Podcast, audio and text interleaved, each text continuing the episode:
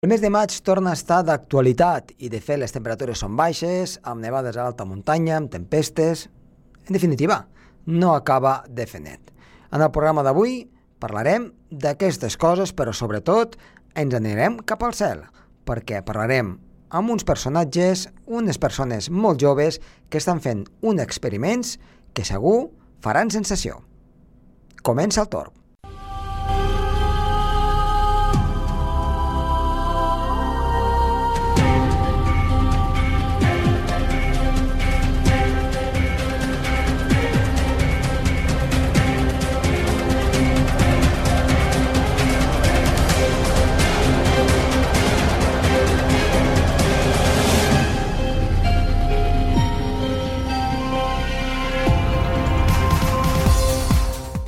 Hola, com va? Molt bona tarda, moltes gràcies per estar una jornada més, un dijous més, darrere, doncs ja sigui del seu aparell de ràdio, per internet o, per què no, dins del seu cotxe, amb aquest programa Torb doncs, que parla, evidentment, de ciència i de meteorologia. I avui, doncs, com ja hem dit, ens anirem cap al cel amb un globus aerostàtic, un globus meteorològic que han inventat uns senyors, uns nois molt joves d'aquí del Principat d'Andorra. Vindran amb el seu professor i ens explicaran els ets i uts d'aquest experiment. I com sempre tindrem en Roger Soler que ens explicarà les notícies de ciència i de meteorologia. Som-hi, no s'ho perdin!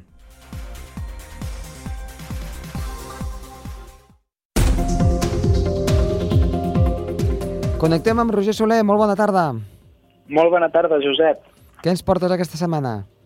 Doncs aquesta setmana parlarem de la contaminació radioactiva dels oceans. Ens continuen arribant notícies d'aquesta contaminació de l'oceà Pacífic a causa d'aquestes fuites d'aigua altament contaminada que continua vessant des de la central de Fukushima. I realment, Josep, diàriament, des del març del 2011, es calcula que es perden 300 tones, d'aigua contaminada. És una quantitat extraordinàriament gran que contamina moltíssim, malment molt tots els ecosistemes de l'oceà Pacífic i, òbviament, afecta la pesca, que indirectament doncs, pot afectar el consum humà de peix. No?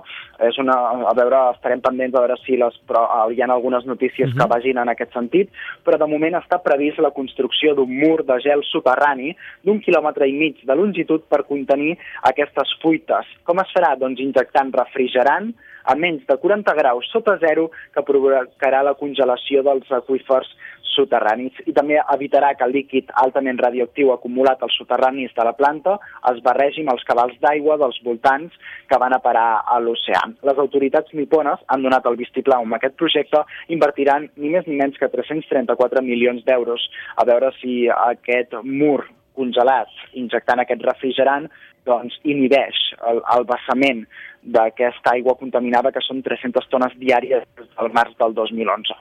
Eh, només una cosa, però clar, això és una mesura provisional. Mm, el que s'ha de fer en principi, és... sí, això és una, és una mesura provisional fins que no es puguin Des... tapar bé els, els dics o fins que no es prengui alguna altra mesura del, de la central de Fukushima, però segons aquestes informacions, és provisional entre cometes, perquè sí que servirà o pot arribar a servir per inhibir, per bloquejar aquestes sortides d'aigua contaminada o aquests vessaments. Eh? Doncs, Roger, n'estarem ben atents. Gràcies i t'esperem la setmana vinent. Molt bé, adeu. Adeu.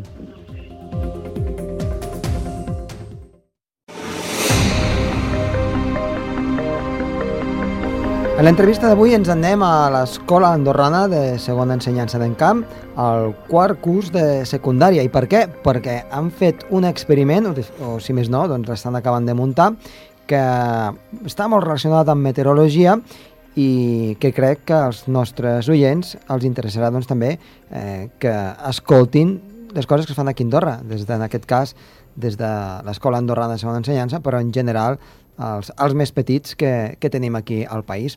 I per això doncs, ha vingut eh, el seu professor, el Toni Puigdemassa. Hola, bona tarda, Toni. Hola, bona tarda. I després tenim aquí a la, a la Lara de Sousa i l'Aleix Rabassa. Bona tarda. Bona, bona tarda. tarda. Eh, el primer de tot, eh, Toni, que tu ets el, el seu professor. Uh -huh. Cinc cèntims de, de què consta aquest experiment i què creu que els ha motivat a fer doncs, a, aquest, aquesta optativa, crec que és una optativa, no? Sí. Aquesta assignatura que esteu fent. I què, què creus que és el que els més els motiva a l'hora de treballar? D'acord. Bueno, eh, ràpidament, per simplificar, aquest és un projecte que ens vam animar a fer els professors de les optatives científiques, és a dir, matemàtiques científiques i física i química, aquest any per intentar variar una mica respecte a lo que s'havia fet anys anteriors i intentar, i crec que ho hem aconseguit, i si no ens ho diran uh, la Lara i l'Aleix, intentar eh, donar aquestes matemàtiques científiques i aquesta física que sempre es fa força feixuc o s'acaba fent força feixuc d'una forma més pràctica. Uh -huh. I per tant, la idea seria pues, fer una petita construcció eh, en la qual tindríem que aplicar tot un munt de matemàtiques i un munt de física i química. Quin és aquest projecte que ens comentaves, Josep? Doncs seria arribar a construir una sonda estratosfèrica, és a dir, fer la construcció d'una sonda que ens, ens viatjaria des d'aquí, des d'Andorra mateix, fins a l'estratosfera, que estem parlant d'uns 30.000 metres d'alçada. Uh -huh. Llavors, ja que fem aquest viatge, ja que podríem construir aquesta sonda fent aquest viatge, doncs a aquesta sonda l'equiparíem amb una sèrie de càmeres per tindre un registre visual d'aquest viatge impressionant i que les imatges estem convençons que seran excepcionals, una sonda de temperatura per tal de registrar com va variant la temperatura a mesura que anem pujant a les diferents capes de l'atmosfera. I finalment eh, també realitzar un registre biològic que fins i tot això eh, va sorgir últim moment i ho trobem molt curiós, que és en la mateixa sonda ficar-hi una mostra biològica, que serien unes llavors, i veure com pot afectar aquestes llavors la temperatura i d'altres coses tan curioses com serien la, la radiació còsmica, que podem observar a les grans alçades, respecte a la superfície de la Terra. I, bueno, eh, ens, vam, ens vam reunir els diferents professors de les optatives i conjuntament amb la Sabrina Cerveró doncs vam començar vam decidir que, que era molt ambiciós, però vam decidir fer-ho i vam començar a demanar voluntaris per realitzar la construcció d'aquesta sonda. I aquí tenim els voluntaris, a la Lara i l'Aleix. A veure, eh, qualsevol dels dos, eh? Um, sorgeix la idea, vosaltres us apunteu o teniu una mica la pistola al pit i diu escolta, eh, heu de fer això perquè si no, no provareu la signatura. Com, com funciona una mica? Mm. Aleix. Bueno, pues jo vaig... Jo el, aquest projecte, primer vaig fer treballs i no, bueno, m'ho van explicar al principi de curs i tal, i bueno, no semblava algo, no semblava algo molt coherent, en el sentit de dir no crec que passi. Però a mesura que va passant el temps i tal, al final vaig dir, bueno, per què no? I si, mm -hmm. i si surt, què passa? I... Clar, és, és, és un projecte que, que dius... Eh, eh, és una mica de dibuixos animats, eh? eh perquè dius, escolta, llançarem una cosa a l'espai, no és a l'espai, però una mica doncs ve ser el mateix, eh, és una cosa que, doncs, que clar, eh, els més joves us deu entusiasmar i suposo que esteu ficant totes les forces no? per, per sí. poder que surti bé. Eh, heu tingut algun problema, Lara? Eh, què, què, què està passant? Perquè, clar, ens pensem que és molt fàcil, eh? que és inflar un globo i deixar-lo anar i ficar quatre càmeres i quatre tonteries i ja està, però una mica en el projecte ja esteu tenint problemes. Bé, la veritat és que hi ha hagut alguns problemes, però és normal, sempre hi ha hagut dubtes de com faríem això, com podríem aïllar la, la sonda, quan ho llançaríem, perquè també hi ha els problemes meteorològics que ah, no poden impedir. El problema meteorològic. I també que ara hem tingut un últim problema amb el GPS, que no va i ens l'han de canviar. I, ha, I bueno, hi ha problemes, però esperem que la recompensa ho compensi. A veure, anem per parts. Mm, com ho munteu? Eh, que és una capsa de sabates? és, és, és un, una capsa de titani que heu demanat en algun lloc especial. Com, com es munta aquest, mm. aquest projecte? Bueno, primerament el que vam fer és mirar vídeos per internet a veure com es feien i mm. normalment totes les caixes estan fetes d'aquest Porespar mm -hmm. i bueno, vam, vam començar a construir amb un Porespar que, que era aïllant a les temperatures. Vam començar a construir, podíem construir quatre caixes diferents, de diferents maneres i Uh -huh. Això que, ten, que trobem als supermercats, per exemple, sí. no? o quan comprem eh, un, un, un vídeo o un, qualsevol instruments d'aquests que està doncs, ben protegit, això que és blanc, mm. que fa el, el soroll d'aquell, sí. és això, no?, una mica? De fet, de fet com diu l'Aleix, eh, amb el Porespan van fer diverses construccions, fins Sí. a quatre construccions, provant diferents tipus de porespan i material de la construcció. Uh -huh. Vam utilitzar material de la construcció especial, que no és el que trobem quan comprem un vídeo, sinó que és especial, que està extrusionat, i bueno, eh, vam anar triant els que donaven majors prestacions. Aquest que tenia un aïllament boníssim, que és en la construcció, el vam finalment desestimar pel seu alt pes i ens hem anat finalment al, al pan que podem trobar per embalar caixes de... Per tant, el, els, els materials els tenim doncs, a l'abast de la mà de, de qualsevol persona. Què, què hi trobem dintre? Hi ha algun aïllant més, Lara, a més a més d'aquest Porespan? Bé, havíem fi pensat de ficar diversos aïllants en diverses capes, però al final hem vist que això augmentava massa el pes de la sonda. Uh -huh. I ara hem estat pensant de ficar com un aïllant per, per fora, Sí? que serà el primer que farem, i això ja és la primera capa, i després veure si podem ficar algo a dins que no pesi tant, però que aïlli una mica, Uh -huh. perquè no volem que, baix, que les bateries es descarreguin pel fred. Perquè, clar, perquè la gent no entengui, eh? el tema d'aïllar, doncs, eh, clar, dic, sembla una mica ridícul, perquè has d'aïllar si vols llançar cap, cap amunt, no? És pel tema de que no es gastin les bateries ràpidament. Exacte. Uh -huh. Perquè què passa amb el fred? que les bateries, com molta gent haurà vist, que amb el fred baixen més ràpidament i clar, no tindria sentit llençar la sonda i que les càmeres no gravin res pel fred. Perquè vosaltres teniu una idea de quan llanceu aquest globus, perquè clar, això no ho hem dit, però és un globus, a- Sí. ara en parlarem. Eh, quant temps estarà volant i quant temps... O sigui, quant estem, entre que el llanceu fins que, fins que exploti i, i caigui, quant temps pot passar? Aproxim- Aproximadament entre 2 hores, 3, 4, com a màxim. O sigui, fins a 4 hores. Per Fins tant, necessitem hores. una bateria de fins a 4 hores, Sí. com a mínim. Com a mínim. Val. I dintre de la capsa què hi trobem? Què podem trobar? Dintre a la capsa trobem el GPS, Uh -huh. Perquè és un GPS que heu muntat vosaltres o és comprat? és comprat, és un GPS comprat. Però normal i corrent. Un GPS... Normal i corrent. Un GPS, eh, tenim dos càmeres, una a la part, a la part de baix, per Mhm. gravar el que seria des de, o sigui, des de baix, la terra. Va, per tant, Sí. amb, veure com s'enlaira, sí, com no? s'enlaire, i una al lateral, per veure en un principi, si arriba a dalt, i tot esperem que sí, eh, la curva, es veuria fins i tot la curvatura, La curvatura de la Terra, que vam veure doncs, ara fa potser un any, un any i pico, el Fèlix, l'austriac, no? que, Exacte. que es va llançar de des de l'estratosfera, no? una mica per veure Sí. aquesta curvatura de la Terra. I aquests, eh, aquestes càmeres mm, són d'un mòbil o són especials? Com, quin tipus de càmeres són? És una càmera com vindria a ser una GoPro, però Mhm. en marca Sony. Uh -huh. I completament, o sigui, gravar, no té cap... No té cap secret, no? No. I, i Lara, tu creus que això pot, pot aguantar, aquestes temperatures? A veure, tal com ho hem fet, ja ho hem fet pensant en que aguanti. Que potser s'allarga el temps pels vents i tal, i després no aguanta. Podria ser, però ja tindríem un gran número d'imatges quan ho recuperem. Uh -huh. O sigui que tampoc ens fa molta por. Creiem que sí que aguantarà. I què més hi trobem dintre de- de- d'aquesta capsa? Bé, hi trobem diverses coses perquè hem estat pensant en tots els problemes, els factors que hi pot haver. També hi trobem un mòbil per fer fotos, ja que una càmera de gravar no, no podríem treure fotos amb bona qualitat. Uh -huh. Llavors vam ficar-hi un mòbil, el GPS, tal com ha dit el Toni també hem ficat les llavors i bé, hem estat ficant també un aparell que faci soroll per, per evitar perills de que, de que caigui algú o, o fins i tot per trobar-la, perquè si es perd a la muntanya amb el soroll... Clar, Ja ens facilita. ara m'ho explicareu això, però uh, un mòbil, quin mòbil? Bueno, és un mòbil normal que es pot trobar a qualsevol lloc, hem vist que tingui la capacitat millor per les fotos Uh -huh. i, i no és cap mòbil I especial. la pregunta, eh, una mica estúpida potser, però com, com farà les fotos al mòbil? Bueno, el, els Ho, deixa, mòbils... ho deixareu que vagi fent fotos... actualment hi ha el temporitzador, llavors Uh -huh. abans hauria sigut complicat, però ara mateix fiques el temporitzador i va fent fotos en el mòbil Constantment. constantment. Va, fins que s'omple tota la, la, la diguem-ne, la memòria, no? O Ja agafareu una memòria prou gran.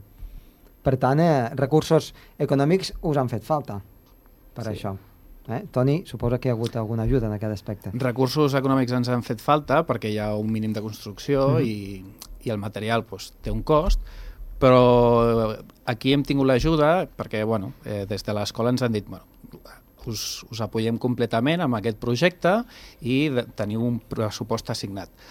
Ara bé, eh, nosaltres des del principi eh, som conscients que això és en ànim d'augmentar el que és la docència i l'aprenentatge, però no per això hem de consumir recursos de l'escola. Llavors, hem estat buscant diferents patrocinadors que ens poguessin ajudar a disminuir el co aquest cost i ho, ho hem aconseguit. Per una banda tenim... No em diguis que teniu patrocinadors. Fins i tot tenim patrocinadors. És, és una notícia més que, que els, als alumnes els ha entusiasmat molt, de dir, perquè no deixa de ser que algú li dona valor a, sí, sí, al, al teu propi sí, projecte, sí. no?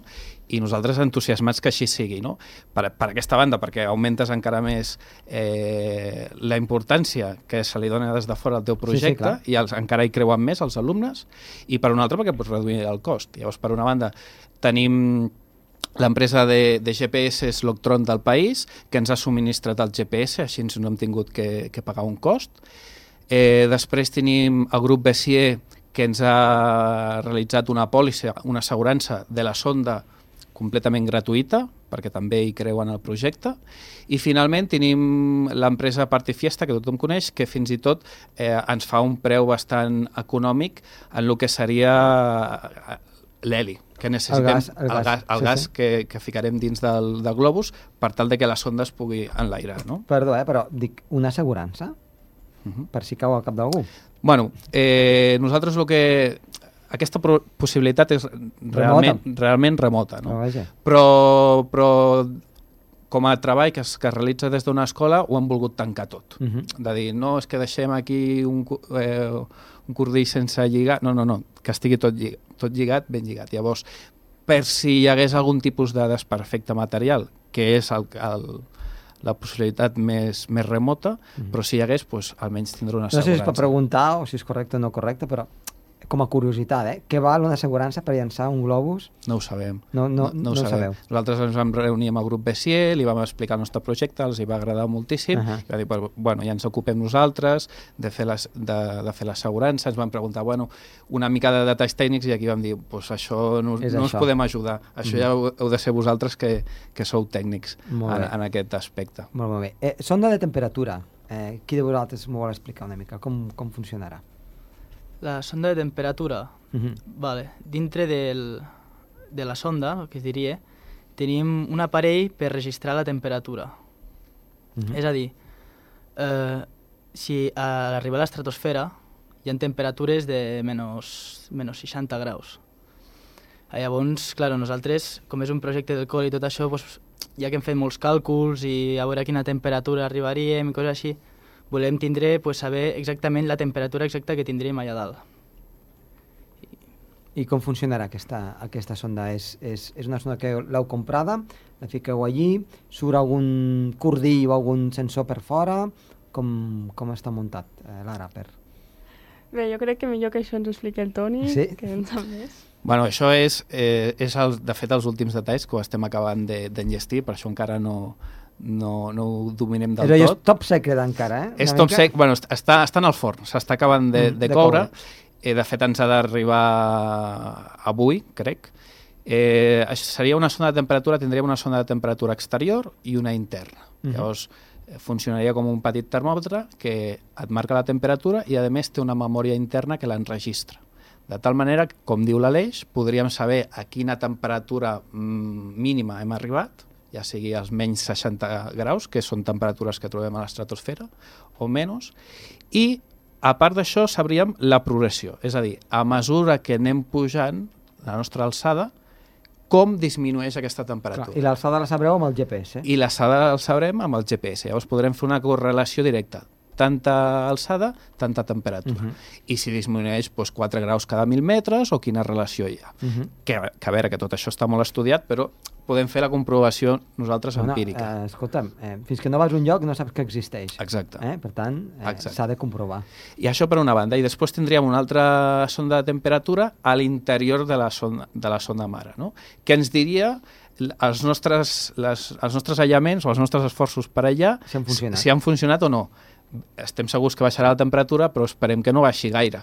A veure si baixa un grau, dos, tres, sis, i això també crec que és força interessant saber mm -hmm. com ha funcionat aquest aïllament aquest tèrmic. Aïllant. No? I eh, també parlàveu de llavors. Algú de vosaltres que m'expliqui el, el, el, les coses que, que es faran... Per què aquestes llavors? Una miqueta. Aleix. Eh, Bueno, jo les llavors no, no ho sabia fins ara, que m'ho acaben de dir, sincerament. Per tant, és també una cosa que sí. ha sortit d'aquí a l'últim moment, eh? No, sí, últimament he estat una mica dispersos el grup perquè hi ha hagut problemes entre que el temps i tot això estem una mica, pues, Heu d'estudiar, a més a més, Sí, clar, hi ha exàmens. ara tenim els últims, últims exàmens i bueno, pues ara, com que molt i no hem pogut estar Uh -huh. al 100%.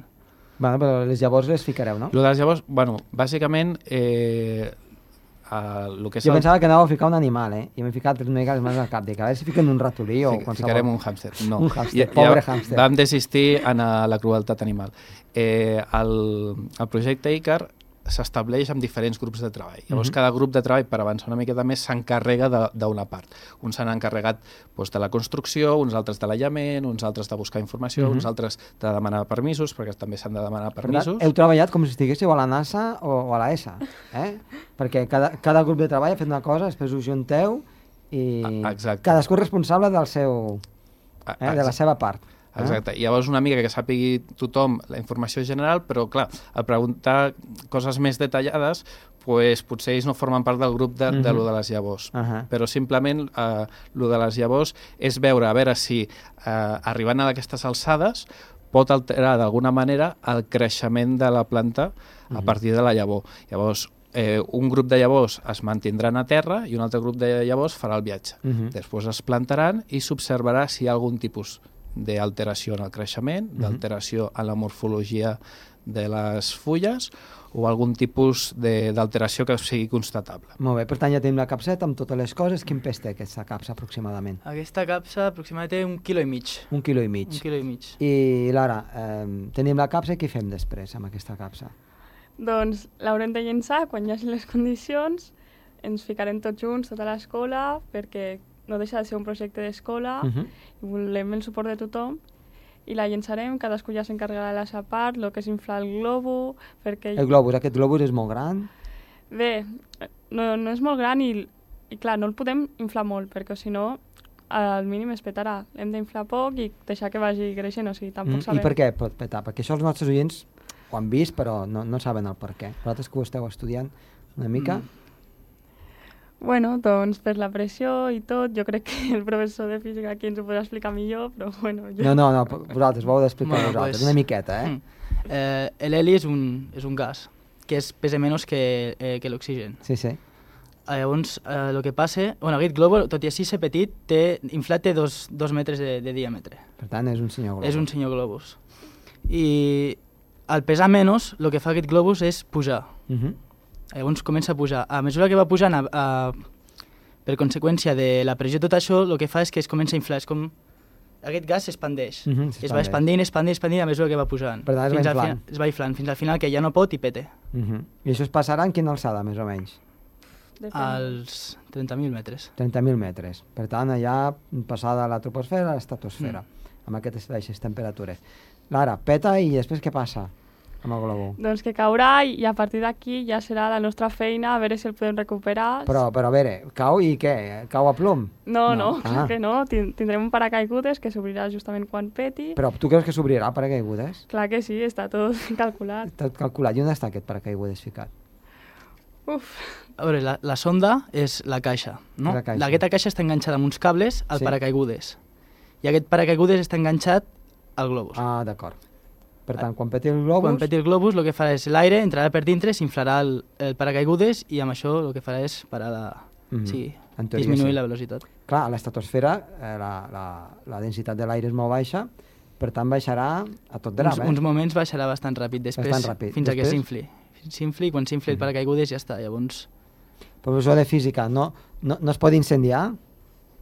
No es pot incendiar? O, No, o això no. és més amunt? Això, això seria bastant més amunt, Ah, ja, ja, ja estaríem parlant aquí de, de, dels meteorits que entren a la nostra, a la nostra atmosfera, Mhm. però no, nosaltres no, no correm aquest risc d'incendi, de combustió Vale. incandescent, no. Cau en un lloc indeterminat i com ho recupereu? Amb el GPS. Mm. I si cau a, no sé, dalt de tot de la neto, Eh, amb, eh, amb una mentre- glacera, què, què, què passa? Ah, llavors ja seria treball nostre. Ja, però no sé, o sigui, al tindre un GPS sabrem perfectament a on caurà les coordenades, Tot. tota. Llavors ja seria treball de nosaltres de dir... D'anar-ho si, a recuperar si cau a la muntanya, puja a muntanya. Si cau al mar, pues a nedar. a nedar. Hem d'anar a No recuperar-ho. s'enfonsarà. No, té, té, un, té uns minuts per d'esto, perquè, perquè s'enfonsi. No Mhm. s'enfonsi al moment. D'acord. Primer és Eh, començar a mullar i després ja... Sí. Um, heu parlat de, del nom del projecte, Icar, però què vol dir aquest nom? Icar. Bueno, això ve de la mitologia grega. I Icar és el fill de Dalos, que va ser un dels millors arquitectes de l'època grega, i, i va matar un, un altre que tenia molt futur com a arquitecte i va ser mm, expulsat de, de Grècia i va anar a parar a una illa. En aquella illa el rei era un tirà i com ell no li volia fer cons construir les coses, el va ficar en una illa deserta de la qual ell no podia escapar, ja que aquest rei controlava tant la terra com els mars. I un cop va veure uns ocells i se li va acudir que podria fer el mateix. Llavors va començar a construir unes ales de, pel seu tamany i pel del seu fill, perquè tenia el fill, el seu fill, que es deia Ícar, i, i amb aquestes ales fetes amb ploma i cera van practicar i després van començar a sortir. Ja s'havien escapat de la illa i el seu pare li comença a avisar al seu fill no t'atancis molt al mar perquè es mullarà les ales i no podràs volar, però tampoc pugis molt perquè se't desfarà la cera i tampoc podràs... No, tampoc podràs volar, clar. Clar, i, però el fill era jove i clar, volia experimentar i al veure el sol pues, volia veure si podia arribar fins al sol. I va pujar fins al sol en un dels fills del seu pare i es va començar a fondre la cera i finalment va caure al mar. Per tant, va anar cap a dalt i també cap a baix. D'acord, és, és, és la mitologia, la mitologia grega. Doncs eh, moltíssimes gràcies per estar aquí, per explicar-nos el vostre projecte, que en breu doncs, eh, ja serà un fet, quan, quan vosaltres tireu el globus, però que m'aviseu, i Exacte. després, doncs, si a cas, doncs, comentem el resultat si fa falta, ja sigui trucada telefònica o torneu a venir, i evidentment les dades, que això serà molt interessant de Exacte. poder-ho de poder, de poder tenir. Doncs Toni, Lara i Aleix, moltes gràcies i fins la propera vegada. Moltes gràcies. Moltes gràcies. Adéu. Adéu.